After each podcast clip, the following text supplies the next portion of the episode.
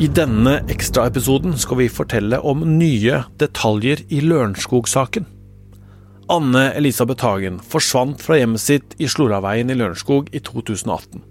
Og politiet har etterforska i over tre år. Vi kan nå avsløre hvordan politiet har brukt en undercover-agent i etterforskninga av den såkalte kryptomannen, og vi skal ta deg med inn i en leilighet der en topphemmelig politiaksjon fant sted. Hva fant de ut i denne skjulte operasjonen? Jeg heter Tor Erling Tømt Ruud, og dette er Krimpodden.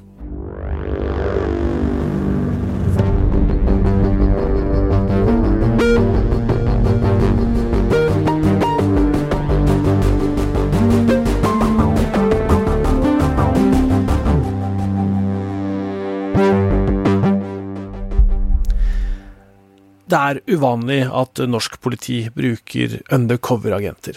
Men det er enda mer uvanlig at norsk offentlighet får vite om at de har blitt brukt. Og det veit vi altså nå, i Lørenskog-saken. Vi har i flere episoder snakka om den såkalte kryptomannen, som politiet har mistenkt for å ha noe med forsvinningen av Anne Elisabeth Hagen å gjøre. Krimkommentator i VG, eh, Øystein Millie, Kort, fortell igjen, minn oss på, hvem er denne kryptomannen? Det er jo da en uh, mann i 30-årene som uh, hadde kontakt med Tom Hagen uh, i 2018, forut for forsvinningen. Han kom i kontakt med milliardæren fra Lørenskog gjennom et bekjentskap med sønnen. og kryptomannen da, han har en lidenskapelig interesse for nettopp kryptovaluta. og han har jo eh, etter hvert forklart politiet at han oppsøkte Hagen fordi at han jakta på investorer.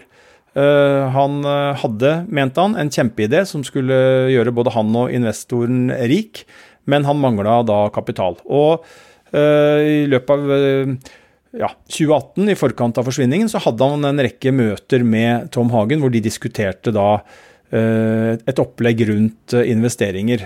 Og så ble jo da denne kryptomannen Han eh, kom jo da politiets søkelys eh, ganske fort. Eh, Tom Hagen fortalte om han at han hadde, at han hadde kjent en som, som, som, drev med dette her. og, og de første avhørene av, av, kryptomannen skjedde jo fortsatt mens denne saken var såkalt hemmelig. Altså da frem til perioden mellom 31.10 i 2018 og 9.1 januar var det vel, 2019, eh, så, så var jo denne kryptomannen eh, i politiets søkelys og var i avhør som vitne. Og da snakker jo han, som vi har eh, syntes har vært litt sånn oppsiktsvekkende også, han snakker der i de avhørene om både kidnapping og Monero, uten at politiet på en måte har nevnt det, da. Ja, og det har jo vært noe av det som politiet har bitt seg merke i og syns har vært mistenkelig rundt denne kryptomannen, har jo vært det at han han eh, begynte å forklare seg om elementer som politiet da visste fantes bl.a. i dette trusselbrevet. Eh, og eh, når politiet etter hvert da begynte å mistenke Tom Hagen for å ha en rolle, som jo skjedde ja, utover 2019 Først så vet vi at man hadde en hovedhypotese som handla om at dette var en bortføring med økonomisk motiv, og så har man jo gått vekk fra det og ment at det er en drapshandling, eh, og at eh, dette med ja, kidnapping og brev og eh, rigget der er, er en villedning. Men, men, etter hvert som da Tom Hagen blir mer og mer aktuell for politiet som en hovedmistenkt, så er det klart at det er svært interessant at han da har en mann som kan veldig mye om kryptovaluta, og som har hatt, kommet inn i Tom Hagens forretningsliv rett før forsvinningen. Det og, og, og, et av spørsmålene politiet stilte seg, er jo, er jo kan, han, kan, han, være denne mannen bak deler av dette kryptorigget? Kan han ha kan han ha noe med brevet å gjøre? Kan han ha noe med disse opplegget med, med, kommunikasjon på bitcoin? Kan han ha noe med løsepengene å gjøre? Altså, kan han ha en rolle? Uh, fordi at uh, hvis man jobber ut fra den hovedhypotesen at Tom Hagen har en, har en uh, sentral rolle i denne saken, så vil jo politiet lete etter medhjelpere. Og et av de områdene det er særlig aktuelt å se etter en medhjelper, er jo på dette med krypto. fordi at man antar at Tom Hagen selv har visst veldig lite og ingenting om det uh, før han da fikk kontakt med nettopp denne mannen som omtales som, som kryptomannen. Så det er på en måte bakteppet da, som uh, politiet blir mer og mer oppmerksomme på, og vier mer og mer interesse utover i, i 2019 når det gjelder de to som til nå har vært sikta i denne saken.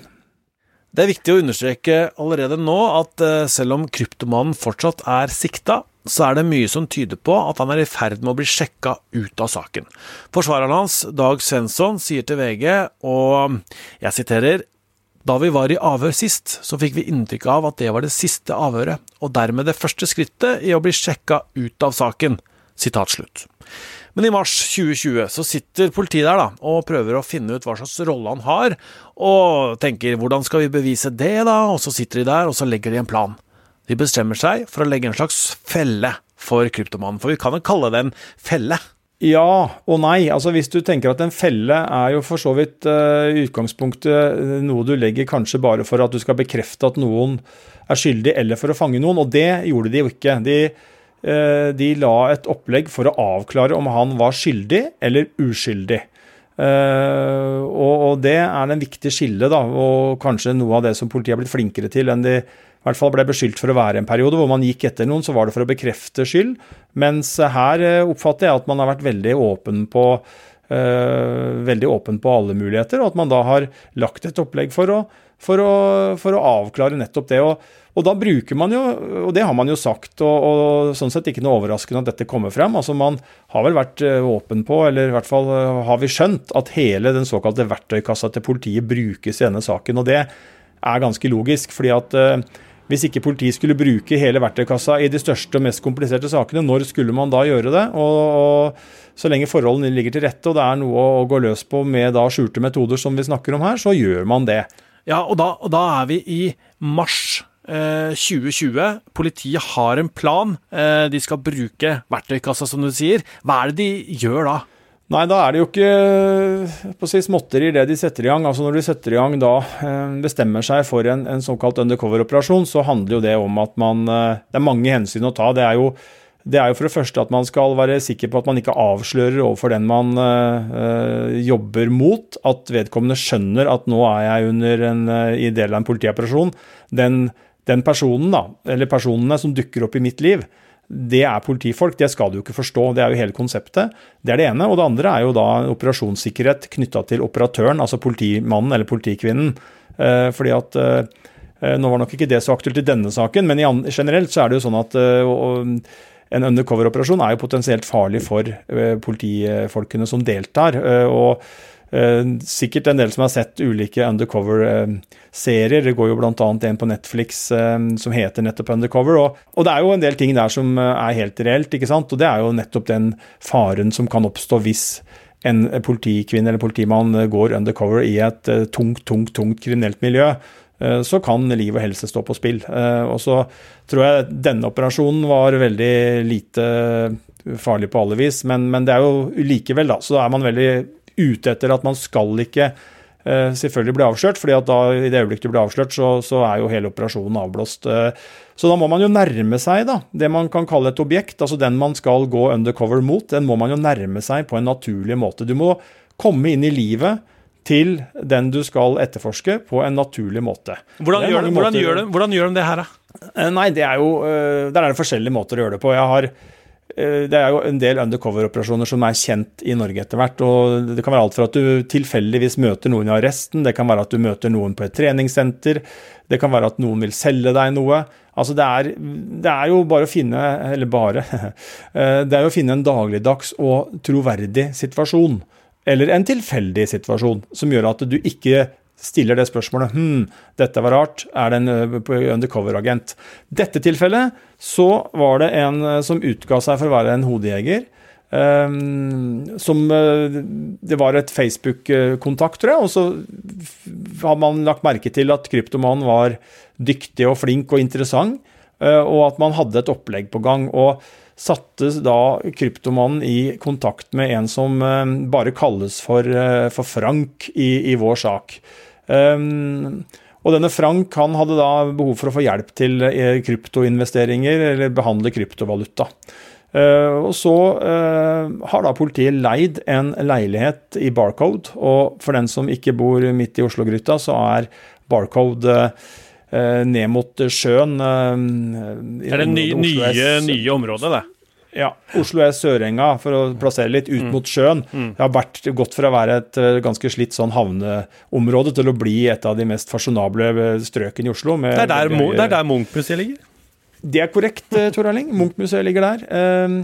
Så det er ikke noe billig område, uten at den leiligheten her var noe ekstra gavant. Den var ganske liten og, og enkel, men, men, i hvert fall politiet rigger den leiligheten og lar han flytte inn.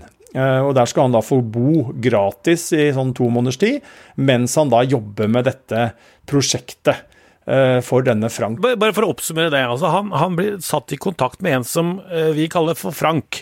Eh, og så sier Frank du kan flytte inn i denne leiligheten her som jeg har fiksa for deg, liksom, og, og du skal drive med noe kryptoopplegg for meg. Er det, er det, riktig? Det er riktig. Og denne Frank er jo da politimann, ikke sant. Så han er jo da en undercover-agent. Og han da, skal da jobbe opp mot, uh, mot, denne kryptomannen og nærme seg han og bli så naturlig og stor del av livet hans at man kan få avkrefta eller bekrefta den mistanken politiet har mot kryptomannen. Det er det alt spinner tilbake igjen til, er at man uh, bruker ulike etterforskningsmetoder for å avklare om denne mannen har en rolle eller ikke har en rolle i Anne-Elisabeth Hagens uh, forsvinning. så aner jo ikke kryptomanen at han har en eh, Eller etter hvert så gjør han nok det, men det gjør han vel ikke på dette tidspunktet. Da, altså, han syns ikke, ikke det var rart at han fikk en leilighet i Barcode? Nei, vi kom jo til det, da, og etter hvert så begynte han jo å lure på, på, på dette her. Men, men uh, på dette tidspunktet så oppfatter jeg det som om han uh, i hvert fall hadde veldig få tanker i den retning, da. Så han, han øh, er jo interessert, som jeg var inne på i innledningen. Han leiter jo etter en investor. Øh, han leiter etter noen å drive kryptovaluta-business med. Og han ønsker da hjelp øh, til å plassere 10 millioner kroner i kryptovaluta. Og det er liksom da bakteppet og utgangspunktet når denne Barcode-leiligheten Eh, blir eh, tilgjengelig for kryptomannen. Hva er det politiet har gjort i den eh, leiligheten før kryptomannen flytter inn? da? Ja, de har, de har ikke bare vaska og gjort det klart, for å si det sånn. De hadde da satt inn en, ja, det de mente var nødvendig, og så mye de kunne av overvåkingsutstyr. Skjult, hemmelig overvåkningsutstyr. Det er da så mye som lovverket tillater, og det handler da om video, uh, lyd, uh, som de da gjør at alt som skjer i denne leiligheten, den, uh, det skal politiet da fange opp for å på en måte finne ut av det vi snakka om, da, om denne mannen har en rolle, ikke har en rolle. Og hvis han har en rolle, så kan det jo dukke opp svært interessante spor for politiet som de kan følge videre. ikke bare i forhold til denne mannen, om han skulle ha en rolle, men det kan jo også være at det dukker opp andre Eh, mistenkte. Det kan være at man kunne fått uh, opplysninger om hvor Anne-Elisabeth Hagen hadde blitt da, osv. Så, videre. så det er klart at dette er jo et veldig veldig viktig prosjekt for politiet. Altså, Da sitter jo han der da, med, med eh, PC eller datautstyr i hvert fall, da, som han har fått av politiet. Og de kan jo selvfølgelig da lese av det han driver med på, på PC-en også. Det gjør de. de, tar, eh, de når de avlytter, så avlytter de ikke bare lyd. De, de leser av PC-er, og de leser av uh, annet elektronisk uh, utstyr si, hvis, de, hvis, de, trenger det. Um, og her var det litt spesielt, fordi han fikk jo også utdelt en PC som han fikk beskjed om å bruke av denne Frank. Uh, og det kan man jo tenke seg hvorfor akkurat det skjedde. Det var jo fordi at politiet skulle ha full kontroll. Da har vi altså en undercover-agent eh, som heter Frank. Eh, vi har romavlytting, vi har eh, kameraer som, som, viser hva som skjer i leiligheten. Vi har PC-er og datautstyr som, som, kan leses av, av politiet. og du har altså ti millioner kroner som skal investeres i kryptovaluta. Er det, er det mer da? Nei, det er vel oppsummert det det er. Og da, da, har du på en måte rammene for et opplegg som gjør at politiet hadde så langt de kunne kontroll på denne mannen og det han foretok seg, og uh, at man da hadde håp om at hvis det skulle være noe å finne, så, så ville det dukke opp. Uh, og da, som vi er inne på, enten spor i retning av gjerningspersoner, hva som har skjedd i Sloraveien, hvor Anne-Elisabeth Hagen har blitt av, um, hvem som mottok disse løsepengene som Tom Hagen har betalt som han betalte i 2019, i sommeren 2019 var det vel. Altså det, jo, det, er veldig mange ubesvarte spørsmål som politiet ønsker seg svar på. Og når man da satte i verk alt det her, så var jo håpet om at man dersom denne kryptomannen skulle ha noen kunnskap om denne saken, at det skulle dukke opp da på en eller annen måte gjennom alle de tiltakene. For at politiet skal kunne bruke undercover-agent, som jo er en invaderende metode i en annen persons liv, så må de gå til retten for å få godkjennelse til det. Der må de legge fram eh, bevis for at de mener det er grunnlag for å anklage ham for å ha noe med saken å gjøre. Og Her fant retten da at det var grunnlag for skjellig grunn til mistanke, altså at det er en sannsynlighetsovervekt, mer enn 50% sjanse, for at han er involvert. Og da kunne de bruke dette grepet, da, eh, ved å bruke en undercover-agent, for å se hvorvidt han er involvert eller ikke i denne saken. VGs krimreporter Gordon Andersen er en av dem som har jobba lenge med Lørenskog-saken. Han er også en av de journalistene som står bak denne avsløringen. Og tidligere denne uka så blei Krimpodens Håkon Fostervoll Høydal med Gordon ned til Barcode i Bjørvika i Oslo for å se på denne leiligheten. Hvor er vi nå, Gordon? Nei, nå er vi ved innkjøringen til, til Oslo S. Ligger liksom rett foran oss. Togene stopper her. Dette er jo for mange inn, inn, porten til Oslo på et vis. da. Um, og dette bygget her er jo en del av det såkalte Barcode denne kjente husrekken som står nede ved Oslo S. Så nå står vi holder i døren her, så vi er sikre på å komme inn. Den eh, leiligheten der har vært, vært et tilholdssted for det vi eh, skriver om som en hemmelig, topphemmelig politioperasjon. Så inn dette, dette bygget her, inn denne døren, så er det all grunn til å tenke at denne mystiske Frank har gått inn og gjort sitt undersøkende politiarbeid. Vinteren 2020 og helt frem til faktisk Tom Hagen ble pågrepet i april, 28. april 2020, og til selv eh, kryptomannen ble pågrepet her den 7. mai, så var det en pågående politioperasjon her. Nå tenkte vi skulle prøve å stunte en sånn at vi banker på døren og spør om vi får lov å eventuelt komme inn. da.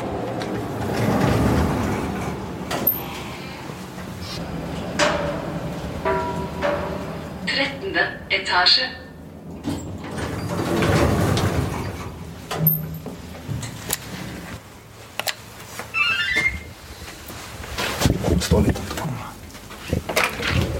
Hi, uh, my name is Gordon Anderson. Okay. coming from a, a, newspaper in Norway called Ouija. Uh, we are doing a story about this apartment. You don't have to, to let us in at all, but is it possible for us to have one minute to see this apartment, or is it a problem? Nå er vi kjappe. Ja. Nå er vi her. Det er jo en sånn eh, en standard sånn nyere, moderne leilighet. Den er 39 kvadrat, helt hvite vegger, ingen lister. Så er det en standard kjøkkeninnredning, kjøkkenkrok her, kjøkkenstue i ett. En gang. Det er, det er noe av det mest standard du kan se, da. men likevel, det er på Bjørvika. Vi snakket nettopp med en nabo her som sier du kan selge dette for fem millioner. Her jobbet kryptomanen med det politiet ville finne ut av om han var i stand til å utføre. Om han kunne det bare teoretisk, eller om han også kunne gjennomføre det i praksis. Da. Så gå ut på altanen her. Skal vi prøve det? Denne leiligheten ble liksom totalt installert med eh, videoovervåkning og romavlytting. Så alt kryptomanen gjorde her inne, ble overvåket. Men han må jo ha lurt på hvorfor i alle dager han fikk en, en leilighet lånt på denne måten her? Det sier, ut fra den informasjonen vi har hatt og de forklaringene han har gitt, så er det noe som har gnagd han veldig mye. Han har to, han har to sånne tanker som har plaget han underveis i denne prosessen. Det har vært om denne Frank. Kan det virkelig, han sier et sted, kan det være at Frank egentlig var blant Tom Hagen sine menn? Det er noe som plager han litt. og det forsikrer han seg om også når han snakker med Frank. Han vil ikke ha noe med han å gjøre dersom han har bånd til Hagen på et eller annet vis. Og så er det også en nagende mistanke eller tvil eller hva han antyder som kan det være at Frank jobber for politiet. Det er også antyder han. Skal vi nå komme oss ut herfra? Politiet bruker altså det de har av uh, verktøy i uh, kassa si uh, for å se da, om kryptomannen er den personen som står bak dette opplegget. Og dette, denne bruken av undercover-agent, Øystein, det er, det er, på en måte litt spesielt. Hva, hva, hva, kan du si om det? det er jo en, det ligger jo i en måte begrepet at dette er jo veldig, veldig eh, spesiell polititjeneste. Eh, men det fins jo da et eget opplegg for det med eh, på å si om det er en egen avdeling eller egen gruppe. Men det som er spesielt, er at politifolk jeg har snakka med, i hvert fall, sier jo at de eh, får jo ikke vite hvem de er. Disse politifolka kan ikke omgås andre politifolk, eh, sier de jeg har snakka med. For, fordi at det, er klart at Skal du først være undercover, så kan det ikke være noen koblinger til deg mot politiet. Og Det betyr jo at i forhold til internett, sosiale medier, så er det jo veldig, veldig restriktivt med tanke på hvem du kan ha som venner på Facebook. altså Alle sånne ting da, som kan sette noen i retning av at du er, har en tilknytning til politiet, må man jo være veldig varsomme med. Um, og da bruker man, etter det jeg har fått eh, opplyst av de jeg har snakka med, så bruker man jo kan man bruke, man bruker falsk identitet i forhold til å opprette ting og kjøpe ting og sånn, så bruker man i hvert fall skjult identitet. Så når du går etter, da, hvis du skal si at du har en ressurssterk kriminell som skal gå etter og teste om en er, eh, er eh, undercover-agent, så skal det ikke være ett eneste spor å finne som eh, er i nærheten av å bekrefte det. Og Da sier det seg sjøl at det er ganske mange ting du må passe på.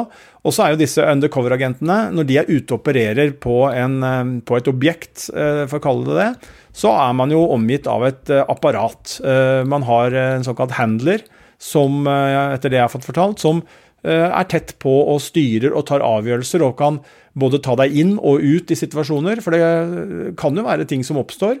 Så det er klart at dette er, dette er dette er eh, politiarbeid som er på sida av veldig mye av det andre vi finner i politiet, og som da gjør at dette blir sikkert en livsstil. Altså du må inn i Kan tenke deg at du skal inn i et miljø, og da må du kanskje du må kanskje ut av landet, du må kanskje være med på turer, være i miljøer. altså hele tiden skal du være troverdig. da. Du skal inn og infiltrere. Du skal bli en del av en gruppe, del av et miljø potensielt. Og da sier jo det at det må være ekstremt mange ting som uh, påvirker både livet ditt sånn, uh, som sådan, men også uh, hvordan du sikres rundt deg, og at du ikke da blir i fare for å avsløres. Jeg tenkt deg det. Altså, jeg, jeg, hadde vært en helt elendig undercover-agent, da, med liksom eh, all over the place på Facebook og sosiale medier og Instagram og sånne ting, og, og liksom følge opp egne barn på turning og trening og sånt. Du må bare gi avkall på alt i livet ditt, da. Ja, det kan jo godt hende at du kan være synlig, men du må jo på en måte si, men, men, antageligvis ikke. For hvis du da det, gjelder det bare sannsynligvis én gang, ikke sant? for da må du da må du skli inn i et miljø som den du er, men samtidig at ingen må vite at du er i politiet. Så sannsynligvis er disse fraværende fra ganske mange eh, eller at man gjør det på en måte som gjør at det ikke er sporbart og tilbake. Altså, men, men, men, ah, potensielt så Vi har hørt historier, og så vet jeg ikke om den stemmer, men vi har hørt historier om Og det er i så fall en tabbe, men det sies jo at i en operasjon så var det et objekt som kjente igjen en, en polititjenestemann eller -kvinne på et eller annet bilde fra eh, en, en setting. da. Uh, og, og, klart at hvis det, så er det, Om det er en historie som går og som ikke er sann eller ikke, det vet ikke jeg, men det er ikke poenget. Poenget er at hvis det, hvis det skjer, så er jo det en av de tingene som ikke skal skje. Så det sier jo litt om hvordan dette opplegget rigges. Men det er ikke ofte vi får vite om uh, undercover-agenter? Eh, nei, og ikke, ikke ofte, men, men, det dukker jo opp i, i saker. Eh, og det hender jo man må det, da. For også eh, Ja, i en rettssak så skal man kanskje bruke bevis som er ervervet, som det heter på, på fint, av en undercover-agent. Så vi vet jo om noen saker som, som det har vært brukt undercover-operasjoner, men, men, men det er sikkert veldig mange sammenhenger hvor det ikke er kjent. La oss gå tilbake til leiligheten i Barcode. Der sitter altså den såkalte kryptomannen eh, på en eh, PC som han har fått av politiet. Han skal forvalte 10 millioner kroner i kryptovaluta osv. Hva, er hva er det politiet håper på at han eh, skal gjøre? De håper jo på å si, Når jeg først har en mistanke mot, mot denne kryptomannen, så vil jeg tro at det er enkelte som håper at det skal styrkes, da, den, den, mistanken, og at det gjennom det kan dukke opp informasjon som gjør at man får løst denne helt spesielle saken. Uh, og så vet vi jo nå at det uh, sannsynligvis eh, ikke skjedde. Uh, det ser ikke sånn ut. Men det er jo ganske mange ting som, som, som er Altså det er jo noen fellestrekk her tidsmessig som jeg syns er interessante. Og det er jo at denne operasjonen mot kryptomannen starter jo da en ja, måned, par måneder før Tom Hagen ble pågrepet. Og den dagen hvor han, Hagen ble pågrepet, så er jo denne Frank, altså undercover-agenten, sammen med kryptomannen. Eh, de er da på vei, kjører opp til Gardermoen, eller møtes på Gardermoen, er på Gardermoen eh, og skal møte en annen investor som, eh, som vel het Tore Tangen, og som vel sannsynligvis er en fiktiv eller en undercover-agent, eller hva vet vi. men Politimann, det også? Ja, sannsynligvis. Eller om det kanskje ikke fins i det hele tatt. Det vet ikke vi. Men uh, det vi vet, er at de er på Gardermoen, og at de, Jeg tror ikke det er tilfeldig at politiet befinner seg sammen med kryptomannen da, den dagen Hagen skal pågripes. Jeg tror jo politiet var at dette er nøye regissert, og at man ønsker å være tett på kryptomannen da for å se hans reaksjon. Blir han stressa? Kommer han til å ringe noen? Uh, sier han noe som gjør at du kan tolke det i en retning? Men, uh, men, men, det, men han, han, blir jo altså naturlig reaksjon, uh, fordi han kjenner jo Hagen. og uh, man kjører da etter hvert tilbake igjen mot Oslo.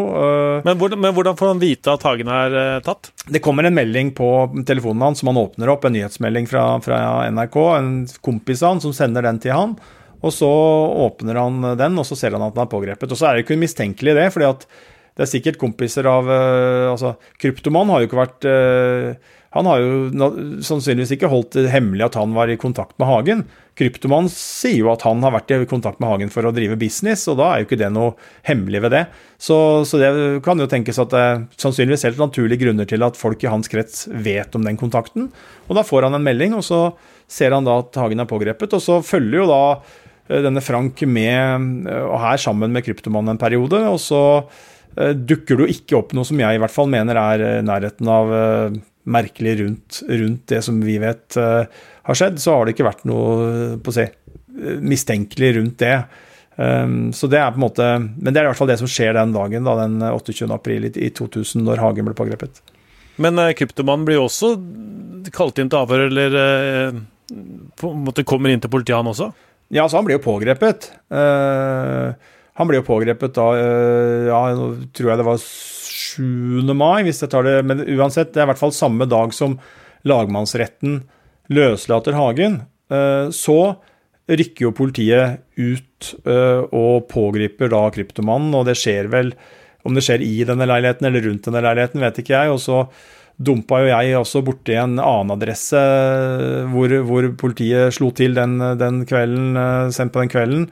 Eh, og gjorde en ransaking, så jeg var jo vitne til det sjøl, eh, den politiaksjonen.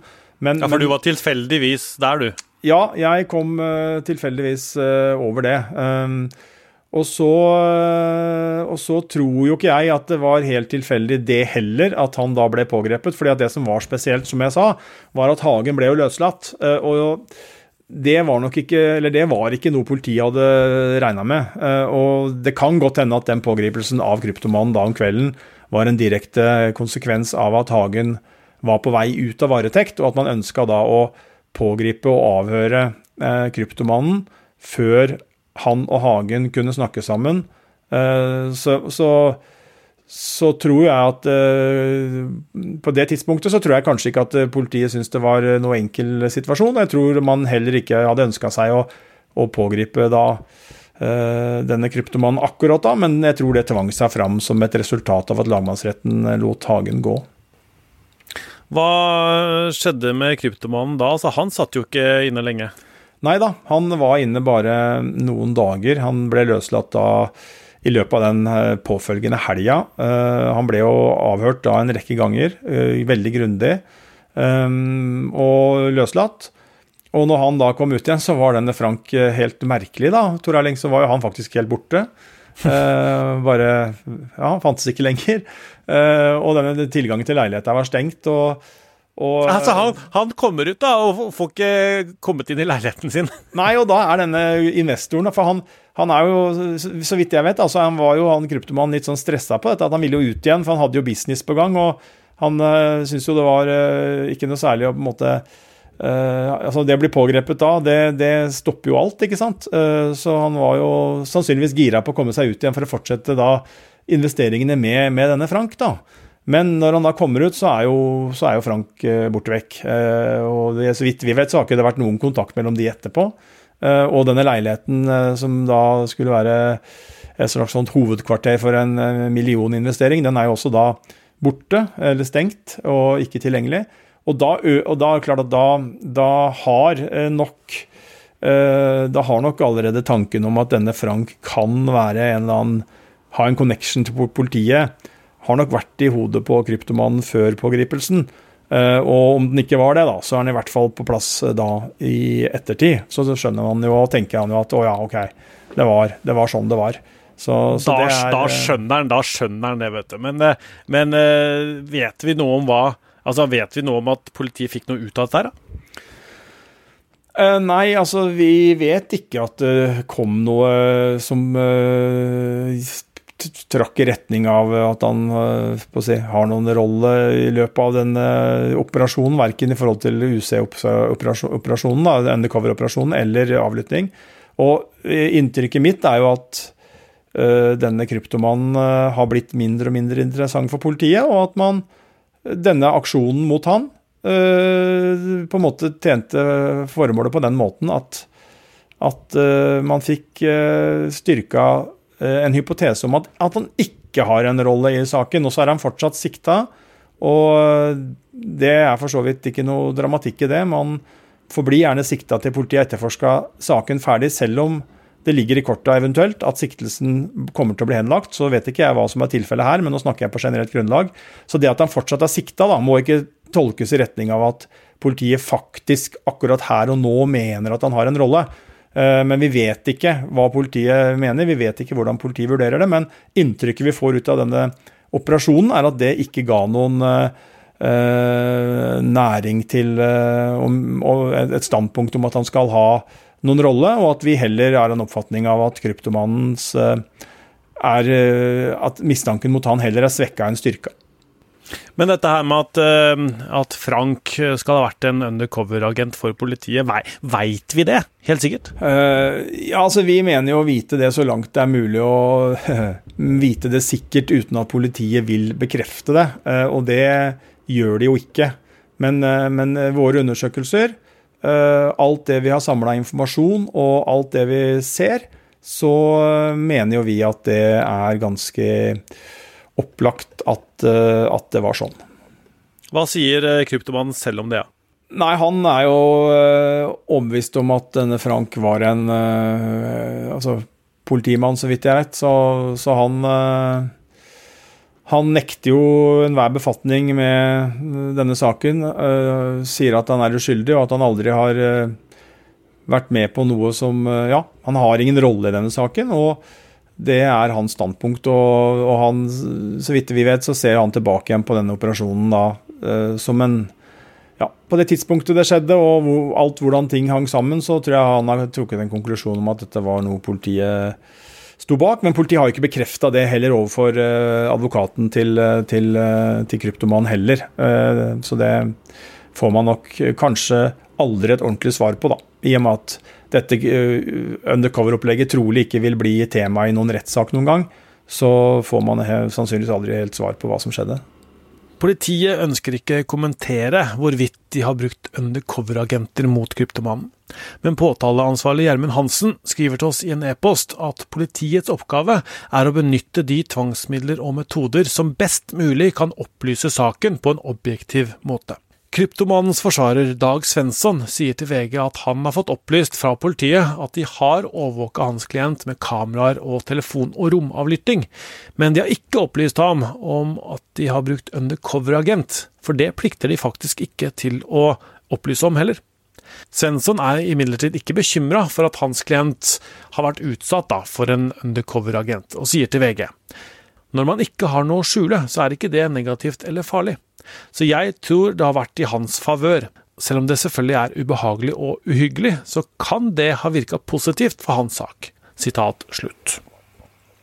Dette med undercover-bruk i politiet. Altså, vi har jo noen, har noen, eksempler. Ja da, det er ganske mange eksempler over tid. Og så er det ikke mange saker man bruker de men eh, den eh, siste som det har vært tema i, er jo at i hvert fall forsvarerne til han som er sikta i Birgitte Tengs-saken, de mener jo, og vel også denne mannen i 50-åra, mener jo at noen personer som tok kontakt med ham på et tidspunkt, må ha vært undercover-agenter. fordi at var, De han fant jo den oppførselen veldig påfallende. Uh, at det var folk som trengte seg litt på han og på en måte gjerne ville ha kontakt på en sånn måte at han ble mistenkelig. Uh, og så er det jo kjent at uh, det pågikk en undercover-aksjon i forbindelse med å få Skrik, altså dette Munch-maleriet som ble stjålet i, i 1994. Det fikk jo norsk politi hjelp av undercover-agenter fra britisk politi for å hente hjem. Uh, vet vi fra noen narkotikasaker, uh, bl.a. en som heter Operasjon Rubicon. Uh, vi vet det fra den syvbarnsmoren som ble dømt for drap. Der var, med, der var, det en kvinnelig undercover-agent som var et stort tema i retten, og som jo på et vis var kanskje det bærende beviset mot henne. Og så er det jo sånn at um, når du er undercover, så kan du ikke framprovosere eh, kriminalitet heller. Du kan liksom ikke pushe den du eh, skal ta, da, eller ikke ta, til å gjøre noe ulovlig. Nei, det har jo Høyesterett slått ned på, og det er jo den såkalte fengselsbetjentdommen, som egentlig må hete verkstedbetjentdommen, fordi det var det han var. Eh, tilbake igjen i, på 90-tallet, hvor det var en eh, narkodømt som hadde rømt fra Ullersmo fengsel, og hvor politiet satte opp en undercover-aksjon Eh, med da den mistenkte verkstedbetjenten, og hvor man da gikk over den grensen som jo ble Han ble dømt både i herresretten og lagmannsretten, men Høyesterett slo fast at dette var ulovlig ervervelse av bevis. Eh, og denne dommen har jo blitt en, eh, en et, et, referansepunkt i både jusutdanning og også blant de juristene som jobber med denne type problemstillinger. At man, man har en rett å vite at man på å si, man skal ikke provoseres til å begå kriminelle handlinger som ellers ikke ville funnet sted, som det skjedde den gangen. da. Han ble, Rent konkret så ble han trigga til å begynne å planlegge en ny rømning fra fengselet, og det mente Høyesterett ikke var, var innafor. Så, så undercover-agenten har en del retningslinjer og rammer rundt seg, selvfølgelig. Eh, Lørenskog-saken nå. Eh, hva forteller denne avsløringen eh, med undercover-virksomhet i denne saken. Hva forteller det oss om en oppklaring i denne saken? Nei, Først og fremst så tror jeg, og dette er jo min analyse, eh, så tror jeg at eh, man er mindre interessert i denne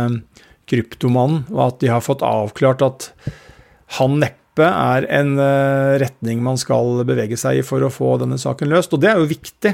Bare det å få utelukka folk er jo en, av, er en sentral del av en etterforskning. fordi det, Jo flere du kan utelukke, jo færre er det jo som eh, du kan eh, potensielt et, eh, dra inn i en sak. Men, men, men, det viser jo også at politiet jobber det, altså det er jo en av mange illustrasjoner på hvordan politiet jobber. da. Og så har vi da gått inn i 2022. og alle lurer på om denne saken blir løst. Jeg har sagt det før, og jeg sier det igjen, at jeg tror fortsatt at den blir det. Eh, og har jo også sagt at jeg tror at 2022 kan bli et år hvor det kommer nye, en ny, ny, utvikling i denne saken, og så er det um, bare å bare å Skal jeg stå med armene rett til værs eh, når vi kommer til nyttårsaften, hvis det er sånn at det er status quo, Tor Erling? Vi får se. Takk skal du ha, Øystein Milli. Eh, du som hører på, kan lese mer om Lørenskog-saken eh, på vg.no. Produsent for Krimpodden er eh, Vilde Worren. Håkon Fostervoll Høydal har laga denne episoden sammen med meg, og jeg heter Tor Erling Tømtrud. Musikken vår er laga av Ronny Furuvik, og ansvarlig redaktør for VG og Krimpodden er Gard Steiro. Følg oss på Facebook fram til vi er tilbake med en ny episode av Krimpodden.